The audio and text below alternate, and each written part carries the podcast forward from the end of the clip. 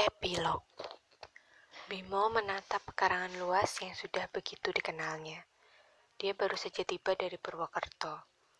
Menjelang sidang tesis, dia punya waktu libur beberapa hari. Mendadak Bimo merasa seperti saat kali pertama datang ke tempat ini. Saat celingukan di depan pagar bambu warung mie ayam Burara. Dia pun merindukan rumah ini dan para penghuninya. Memang Cecep tidak lagi tinggal di sini. Cecep sudah menetap di Bandung. Setelah lulus kuliah, sahabatnya itu memutuskan mengambil pasca sarjana dan merintis jalan menjadi dosen di Institut Teknologi Bandung jurusan kimia. Menurut Cecep, mendalami kimia itu seperti memasak juga, sama-sama meramu sesuatu menjadi sesuatu yang lain. Sementara itu, Adrian masuk malah masuk Akademi Pelayaran Negeri di Semarang setelah lulus SMU. Saat ini dia berlayar dari satu negara ke negara lain. Benar-benar petualang sejati. Kabarnya, Bayu pun hari ini juga datang ke Jakarta. Dia memang tinggal di, Jaka di Yogyakarta. Bayu masuk ke jurusan teknik mesin UGM sesuai keinginannya. Ia tidak bisa meninggalkan ketertarikannya pada dunia otomotif. Aduh abang, abang kapan pulang dari Jepang? Buk bukan hari ini. Ya ampun, gak dapet tiket peak season. Pokoknya Sinta tunggu. Awas ya kalau nggak cepet datang, nanti Sinta cari album baru aja deh, biar tau rasa. Setelah puas berbicara dengan orang di seberang sana, perempuan cantik itu menutup telepon selulernya. Saat itulah dia menyadari seorang laki-laki berdiri tak jauh di depannya. Mau cari siapa, Mas? Ya ampun, Sinta kah ini?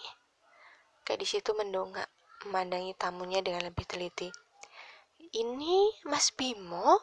Aduh, Sinta sampai nggak ngenalin. Soalnya sekarang lebih putih. Menilin tuh, gemuk sekarang teh. Nunggu Acecep yuk di dalam. Katanya lagi OTW naik taksi. Gimana kabar ibu? Sehat? Alhamdulillah. Tapi ya itu, ibu udah nggak kerja berat, cepet capek, maklum sudah umur. Bimo mengangguk-angguk.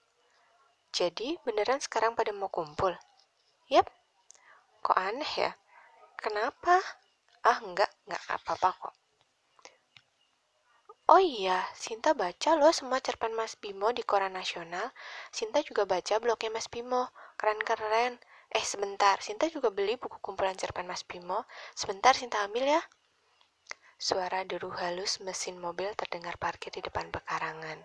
Seorang pria mengenakan jas hitam dan setelan putih keluar dari dalamnya melepas jasnya, menutup pintu, dan melangkah masuk ke rumah Cecep.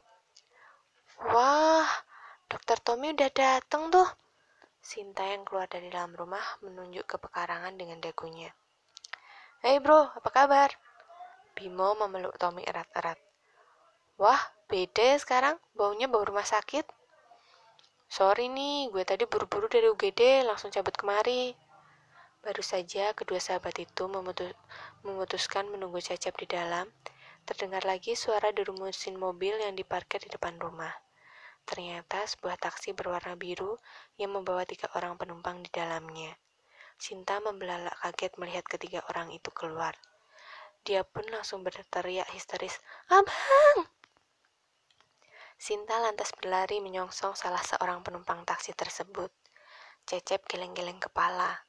Adrian tersenyum lebar sambil merentangkan tangan, menyongsong Sinta yang melompat masuk ke pelukannya dan langsung memukuli dadanya. Dasar Badung, sukanya ngerjain Sinta. Hehehe, maaf sayang, soalnya kamu kalau lagi marah gini menggemaskan sih. Menyaksikan adegan itu, Bimo menggaruk-garuk kepalanya yang tidak gatal, sedangkan Tommy membuang muka. Eh, lepasin oi, bukan muhrim tahu, ucap Tommy. Sinta dan Adrian tak peduli. Keduanya masih larut dalam suasana saling melepas kerinduan. Seolah-olah dunia hanya milik berdua. Bayu yang juga berada dalam taksi tersebut hanya tersenyum-senyum melihat tingkah laku Adrian dan Sinta. Tak tahan, Tommy pun berteriak sekeras-kerasnya, Get a room please, people. Adrian dan Sinta langsung tersadar karena teriakan Tommy, lalu menatap malu-malu keempat sahabatnya. Bimo pun tertawa lepas melihat tingkah laku sahabatnya. Cecep tersenyum, lalu setelah menghela nafas panjang dia berkata, Syukurlah kita masih solid ya sampai sekarang. Kalau saja nggak ada tragedi itu, belum tentu kita bisa seperti ini. Cecep menunduk, lalu kembali menatap keempat sahabatnya dengan mata berkaca-kaca. Aku pernah merasakan kehilangan bapakku waktu kecil. Itu membuatku hancur. Bayu menepuk-nepuk pundak Cecep. Yap, intinya kita tahu dan belajar bahwa tragedi apa pun terjadi bukan karena kesalahan orang per orang. Apa yang terjadi di dunia ini sudah takdir. Setidaknya, ketika kita merasa bersalah, kita harus cepat-cepat memperbaiki kesalahan itu. Secepatnya sebelum semua terlambat. Sebesar apa pun kesalahan seseorang, kita harus memiliki kekuatan untuk memaafkan. Dendam itu tidak baik disimpan dalam hati, bisa jadi racun yang membuat kita semua menderita. Bayu menambahkan. Semua hening dan terlalu terlarut dalam kenangan. Oh iya, Sinta, Hana mana? Kenapa sih Kartaris? Kangen ya? Biasa Teh Hana lagi ngelatih taekwondo. Di mana? Bayu bertanya antusias. Kamu kangen juga ya? Yuk, bareng aku jemput Hana. Tommy pun bergegas. Cecep tertawa lepas. Hati-hati aja bro, masih galak dia, awas lo nanti digigit. Tamat.